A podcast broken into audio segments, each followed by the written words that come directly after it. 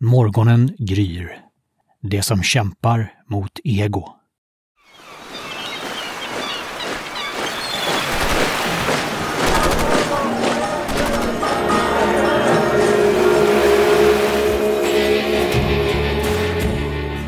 Hej! Jag heter Mikael Hedman och den här podden är berättelsen om den unge mannen från Sverige som hamnat i klorna på verkligheten. Sverige har haft föga att erbjuda i resan mot existensens avskalade sanning. Så han har begett sig till USA på vinst och förlust. Under fyra år har han danats att bli en knivskarp mystiker som kan använda kraft och dimensioner likt satelliter slungar sig med gravitation runt himlakroppar för att ta sig djupare in i universum. Nu börjar en ny fas. Svensken har hunnit bli 25 år gammal och har nyligen besökt Sverige där han har bränt alla fotografier och prylar från sitt gamla liv. Helt enkelt för att kapa onödiga kopplingar. Det tar två timmar för 25 år av bilder och minnen att brinna upp. Under de kommande fyra åren ska en mjukare väg öppna sig och han kommer att hänge sig åt Pamela, Adyashanti, Gangaji, Tolle och en rad liknande figurer allmänt ansedda för att vara enlightened. Det blir en process som är mildare och mer receptiv, men bara något mer sann. Det blir en process som är snällare, men konstigt nog mer dogmatisk och inskränkt.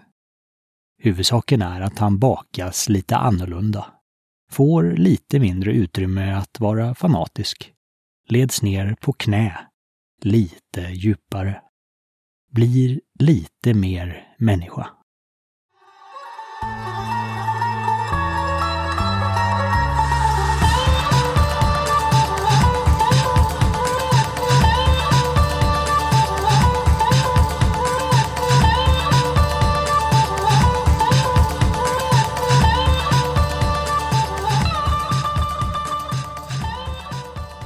Pamela är närmare 50 fyllda och kunde varit fotomodell. Hennes blonda hår ramar in ett rofyllt ansikte med lätt till skratt och lätt till medkänsla. Hon kommer från en helt annan tradition som kallas non-duality eller advaita om man ska använda det indiska ordet. Det utgår från att allt är ett och att alla redan är färdiga buddor. Man behöver bara sakta ner lite och tillåta nuet, så ser man att det är så. Nu, nu och mer nu är lösningen.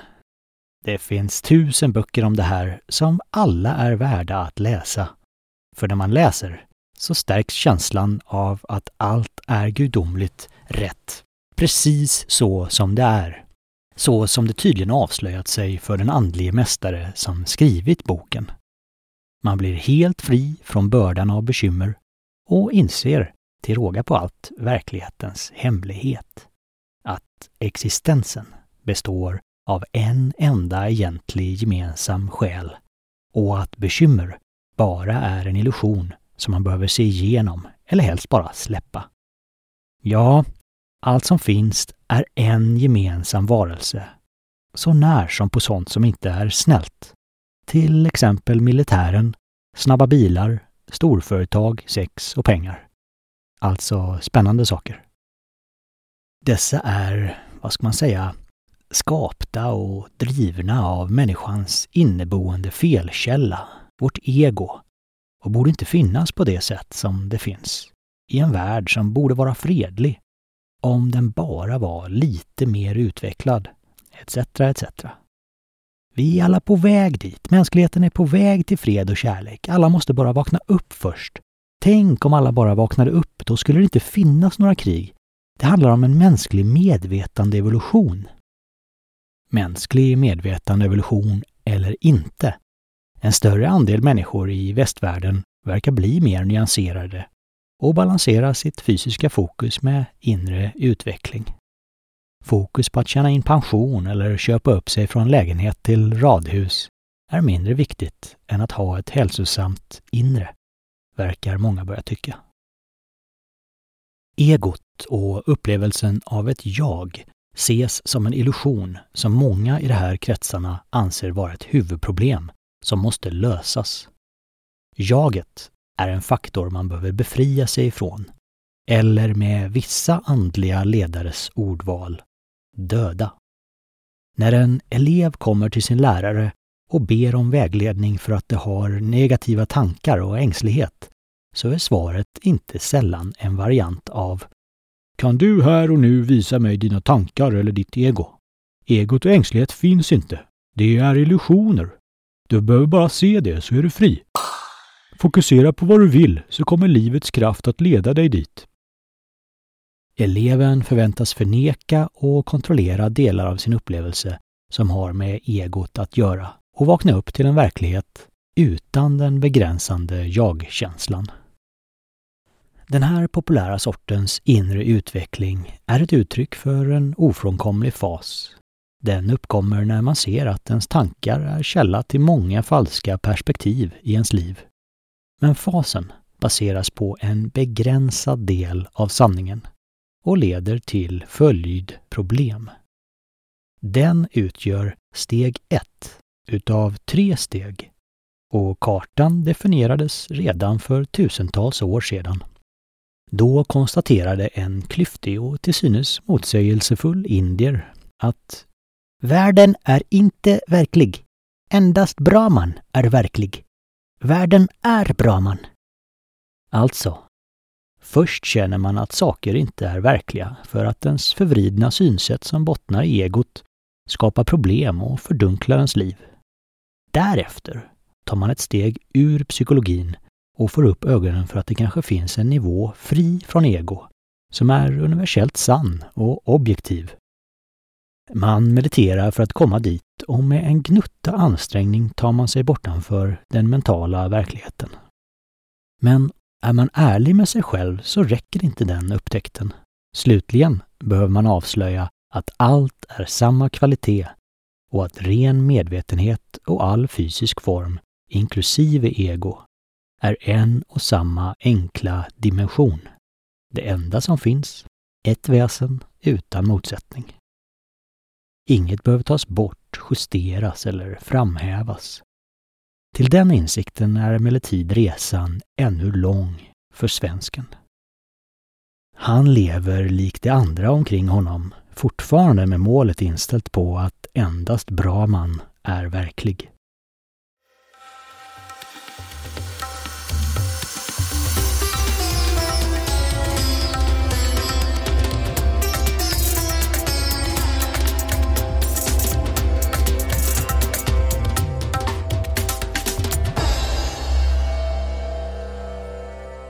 Principerna för Advaita är uråldriga och har sina rötter i jana yoga, ett avancerat sätt att eh, differentiera mellan verklighet och illusion, men inte att ta bort eller förkasta något.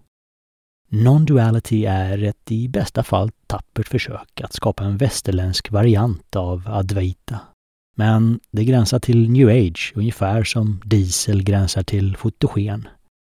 Det leder ingen människa till verklighet annat än i bemärkelsen att man uttömmer möjligheterna av ytterligare en metod så att det egentliga inre arbetet till slut kan ta vid.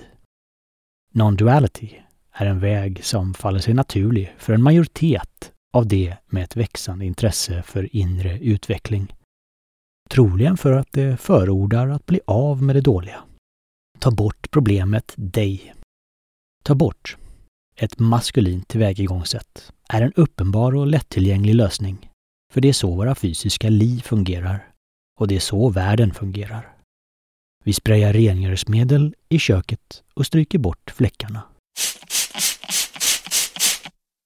Men fasen är en naturlig del i kedjan av inre utveckling och den når förr eller senare sitt slut för alla.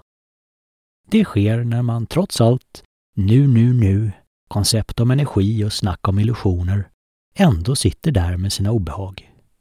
Man kan med fördel testa en andlig guru som predikar att jaget, kroppen och inre tillstånd är illusioner genom att utdela en fet örfil. Om du tappar fattningen och förlorar sig i mentalt obehag vid sidan om sin brännande kind så har du ju uppenbarligen inte sett igenom illusionen. Då kan man ge dem ytterligare en örfil på andra kinden för att öka chansen att de ser igenom sin illusion. När det sedan gått en minut kan man fråga om det är i nuet. För just i nuet finns ju inte längre något obehag. Lyfter man då handen raskt i luften kan man se om det är i nuet eller om det är i minnet av örfilar och smärta genom att rycka till av rädsla. Är det då riktigt kluriga så kommer det att svara att det inte drivs av minnet, men att deras kropp gör det och att det då rakt inte är sina kroppar. Det är medvetande. Bra, kan du säga då, och örfila järnet på kroppen som ändå inte är deras eller kanske inte ens finns. I vilket fall, för någon som är intresserad av inre utveckling gäller det att hålla koll på tendensen att ta bort ego och andra saker för att nå frihet. Alltså att disassociera eller bli av med för att utvecklas. Applicerat på inre utveckling så är missuppfattningen att man når enlightenment genom att ta bort allt mänskligt så att det bara är enlightenment kvar. Ta bort dåliga tankar, känslor, mänskliga behov, till och med kroppsliga behov. Ta bort obekvämlighet, begränsning, lidande, ego, dig själv, världen och mörka moln. Så att allt som är kvar är att man sitter någonstans i ren gudomlighet i ett konstant, oföränderligt tillstånd. Om man håller på med det i en eller annan omfattning så är det dags att vakna upp, för det leder inte dit man vill och det är svårt att klättra ur den villfarelsen ju längre det får gå. Svensken vet. Enlightenment är större än så. Tyvärr är enlightenment större än så.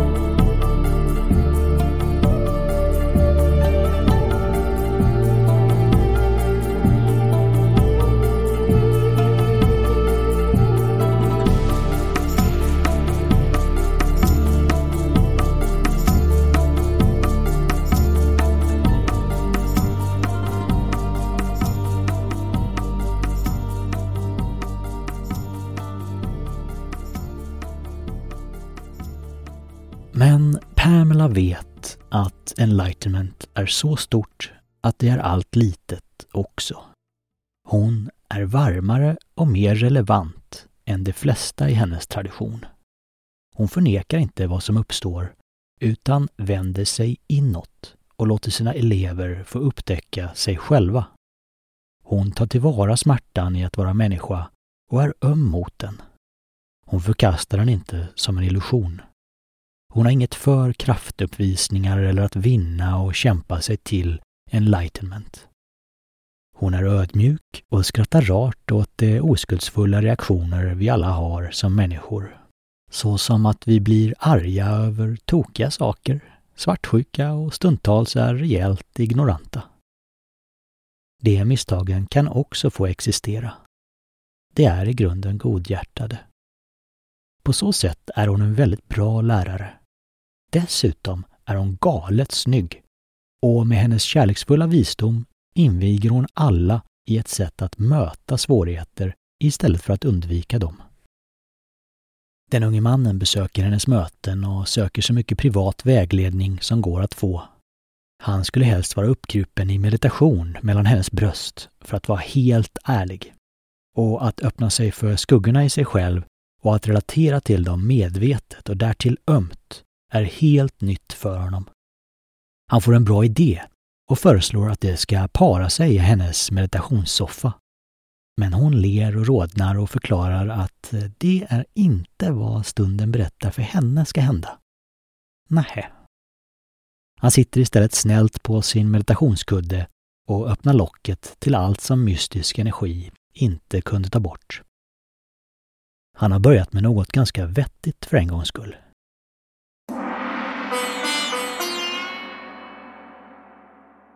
Det som är omkring honom på möten och retreats är avsevärt äldre. De flesta i hans ålder verkar inte vara särskilt intresserade av det här. Han är dessutom den enda med bakgrund som soldat.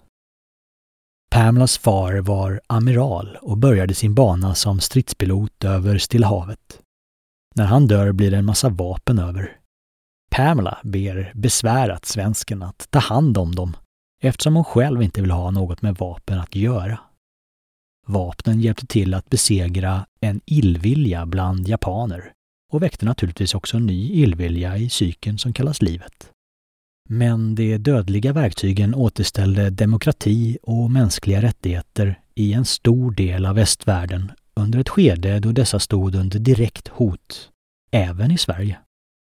Vapen är verktyg och vare sig verktyg eller handlingar är automatiskt bra eller dåliga.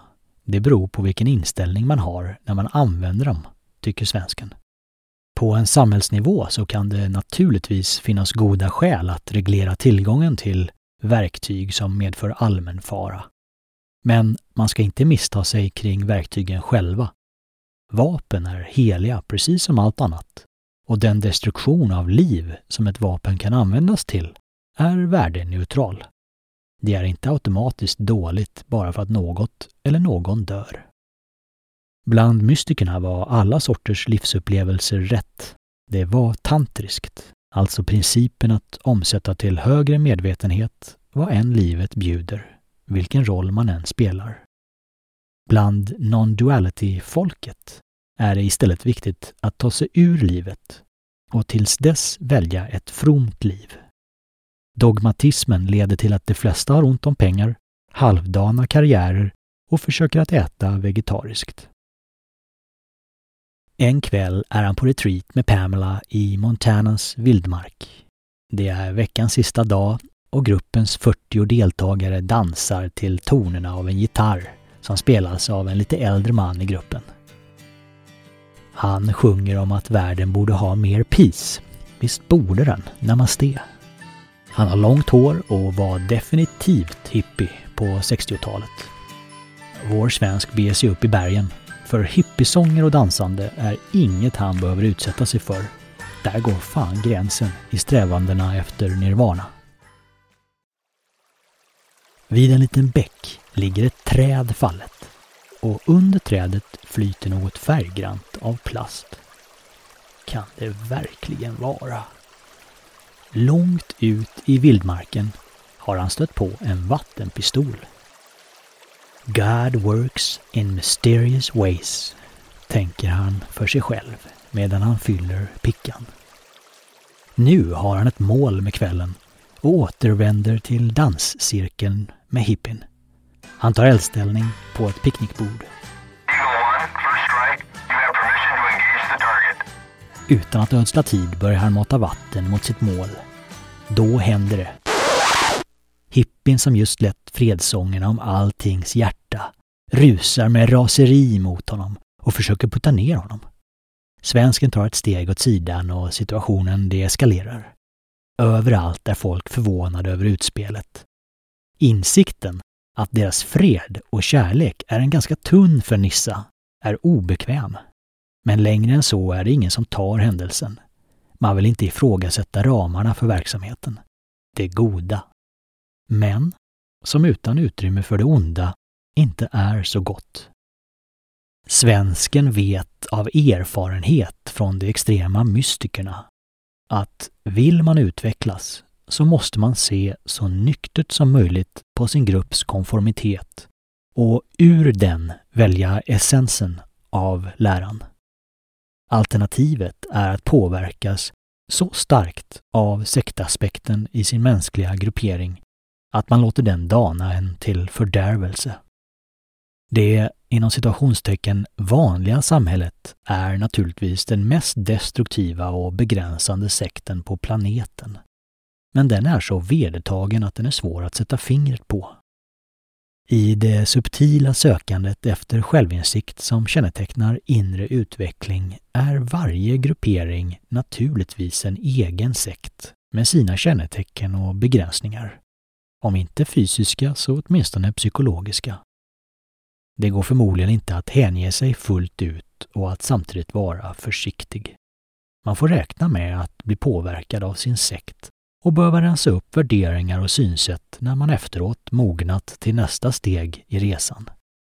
Är ens huvudsakliga drivkraft social tillhörighet och om man inte har psyke nog att gå sin egen väg så kan man naturligtvis bli förslavad i ordets värsta bemärkelse.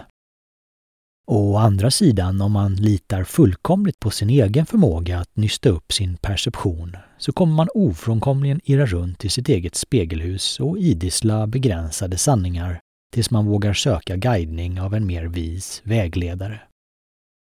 Svensken ser hur han påverkas en del av alla grupperingar, men tänker att andlig indoktrinering inte är någonting jämfört med till exempel indoktrineringen i löneslaveri kreditköp och familjeliv borta i Sverige. Själv är han glatt i resans grepp. Det är spännande och han gör framsteg och kämpar på med sig själv.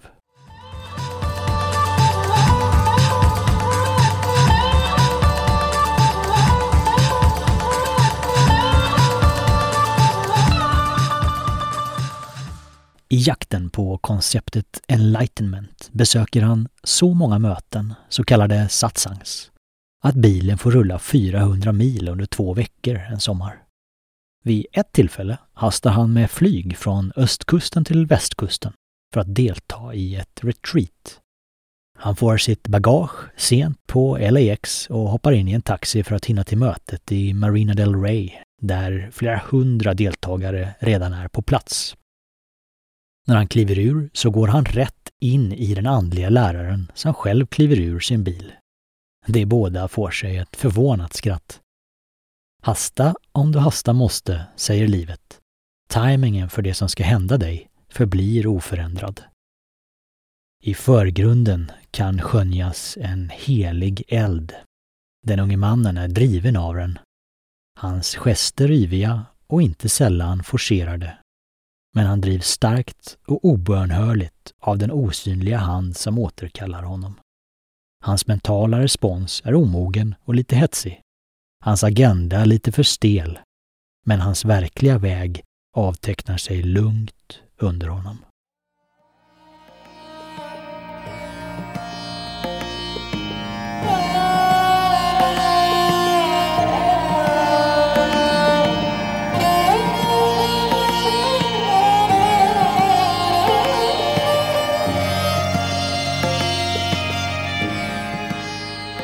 Under tiden jobbar han högt och lågt. Är livvakt för VIP-folk, HR-konsult och bagare. Känner att inget händer i hans liv. Flyger till jordbävningsdrabbade Indonesien och styr upp en ledningsplats för FN mitt bland djungel och lyxhotell. Är arbetslös och ängslig. Bygger upp ett bokförlag i Kalifornien och grundar ett ekologiskt sushiföretag i Oregon reser till Kosovo för att ansvara för logistik och säkerhet i en omfattande hjälpinsats som EU dragit igång. En vecka kan bestå av att etablera en fordonsflotta och importera 80 bilar, förhandla drivmedelskontrakt och planera beredskapsplaner för personalen om området blir för oroligt. Ja, och var parkerar man 80 bilar? Han får låna ett lika gigantiskt som dystert jugoslaviskt bergrum från kalla kriget Gå inte utanför vägen bara, det finns miner här och var. Bra att försöka komma ihåg när man hastigt behöver pinka. Han har diplomatpass, en komiskt hög lön och ett par riktigt fräcka solglasögon. På en helgresa till Medelhavet förälskar han sig i en rar fransyska. Hon har en dyster cancerprognos. Känslomässig självbevarelsedrift står tydligen lågt på hans agenda och han taktiserar sällan utan hänger sig det som uppstår. Fransyskan är inte bara rar utan också en riktig tuffing och hon repar sig mot alla odds. Det är flyttat till norra Kalifornien för att bo bredvid en vacker snöbeklädd vulkan. Allt medan den inre aspirationen fortgår. Nu med en smula hopplöshet. För han har blivit äldre än Jesus var. Och kommer det här någonsin i mål, undrar han. Meditation skickar honom direkt in i tillstånd av ljus, hjärta och enhet. Men till och med det är lagom intressant nu.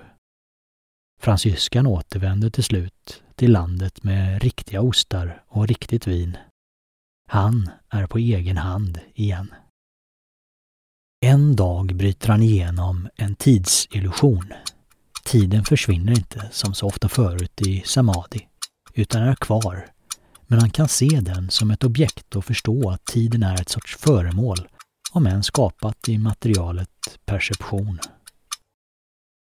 På ett retreat med Pamela längs Stilla havet i Mexiko lånar han en kajak och paddlar längre ut än vad som är klyftigt. Stranden syns som en remsa flera tusen meter bort. På andra sidan öppnar sig Stilla havet. Grandiost, totalt och denna dag kav lugnt. Där ute, strax ovanför vattenytan, några tiotal meter från sin gula kajak, ser han plötsligt en liten grå bergsklippa. Den står inte still. Den närmar sig honom. Valhajen är lugn och nyfiken. Efter en stund fortsätter den. Samma kväll uppnår han vad som kallas för Nirvakalpa Samadhi, ett avancerat upplyst tillstånd. Det påverkar honom en del, men han börjar ana att alla tillstånd en människa kan ha enbart är just det, tillstånd. Till och med det gudalika tillstånd som just införlivat honom med allt förekommande i kosmos. Allt detta har han kommit fram till genom tusentals timmar av meditativt fokus tills hjärnans förklaringsmodell antingen tystnat eller minutiöst undersökts tills den visat sin begränsning. Men egentligen är samadin inte resultatet av någon meditation utan helt enkelt bara en spontan händelse som uppstår för att det är dags. Alla kringrörelser som ser ut att leda utvecklingen, såsom retreats och meditation, följer istället likt svansen på en pappersdrake i skyn. Men det ska krävas många fler år tills linjärt tänkande släpper sitt grepp om honom. Till dess ser röken ut att ha skapat elden. Ju djupare resan för honom, desto färre är det som kan relatera och guida. Läget öppnar för en enorm håglöshet. Det finns inte längre något att stå på eller eftersträva. De känslor som tidigare väglett honom har avslöjat sig vara tunna isflak. En hund kan bita i ett torrt ben och gilla smaken av blod utan att veta att det är från sitt eget skavda tandkött. Men svensken kan inte låta sig luras längre. Han har uppnått insikt men existerar fortfarande i ett isolerat tillstånd. Tanken att hans liv och enda egentliga ambition inte har burit frukt börjar gradvis göra sig gällande.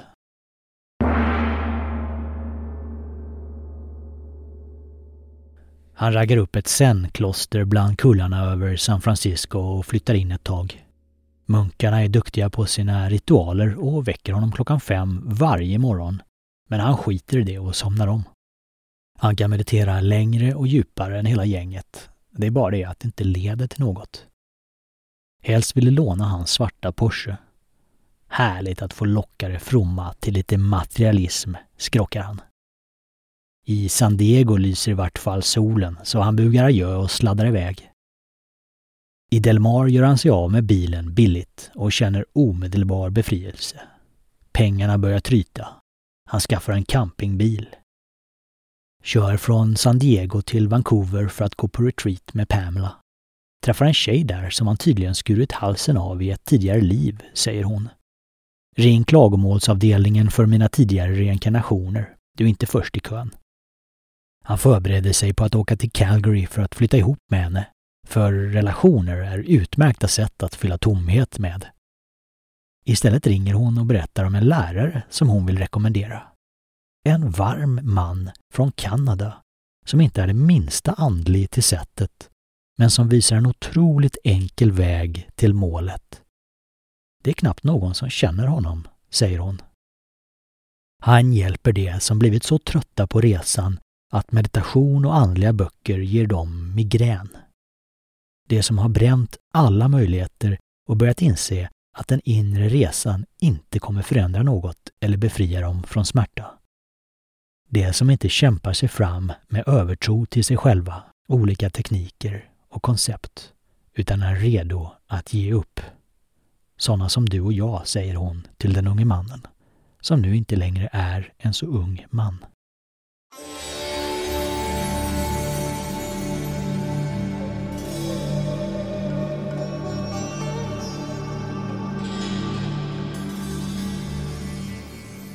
Efter tio år av inre utveckling i ett rasande tempo är han lite trött. Han har bockat av alla de upplevelser man behöver gå igenom. Gått från ett traditionellt liv till andligt sökande. Målsatt sig och arbetat för enlightenment. Använt alla tekniker och övningar han stött på. Letat människor med mer visdom än sin egen och hängivit sig deras guidning i alla lägen prioriterat visdom före allt annat. Han känner sig nu misslyckad, inte bara som andlig sökare utan även vad gäller karriär och allt annat som hör ett liv till. I sin bil har han ett krygermynt och sin pistol. He is down to the basics. I denna position av hopplöshet och andlig utbrändhet finns fortfarande en oförminskad dragning till ultimat verklighet det enda som räknas. Men den känns avlägsnare än någonsin. Han beslutar sig för att ta ett samtal med mannen som hans halshuggne vän talar så innerligt om. Ett samtal som kommer att sätta allt gammalt i perspektiv och erbjuda den korta väg som är den enda vägen när väl man är redo. Snart ska allt ställas på ända, men denna gång i famnen på en guide som själv gjort hela resan. Tack för att du lyssnar. Jag heter Mikael Hedman och arbetar som företagsstrateg och personlig rådgivare. Podden har jag satt ihop som underhållning och för att mina erfarenheter eventuellt ska komma till nytta för dig. Vid allvarliga sömnsvårigheter kan du till exempel läsa Swedish Buddha-podden som bok. Du kan beställa boken via hemsidan swedishbuddha.se. Men låt inte allt som berättas i podden påverka ditt eget upptäckande. Förkasta utan minsta tvekan sånt som du inte kan känna igen dig i eller som låter fel. Det här är 20 år ur mitt liv, med mina ögon. Vissa saker kommer inte att passa med hur du upplever livet. Om du är intresserad av inre utveckling så är du varmt välkommen att höra av dig via hemsidan eller boka ett möte direkt i kalendern på rentabuda.com. Det skulle glädja mig att få prata med dig. Ha det så bra tills dess. The Swedish Buddha Pod strives to ensure the highest rate spiritual guidance. However, you may experience varying spiritual progress depending on your stubbornness, soul quality, and haircut. Listener discretion is advised.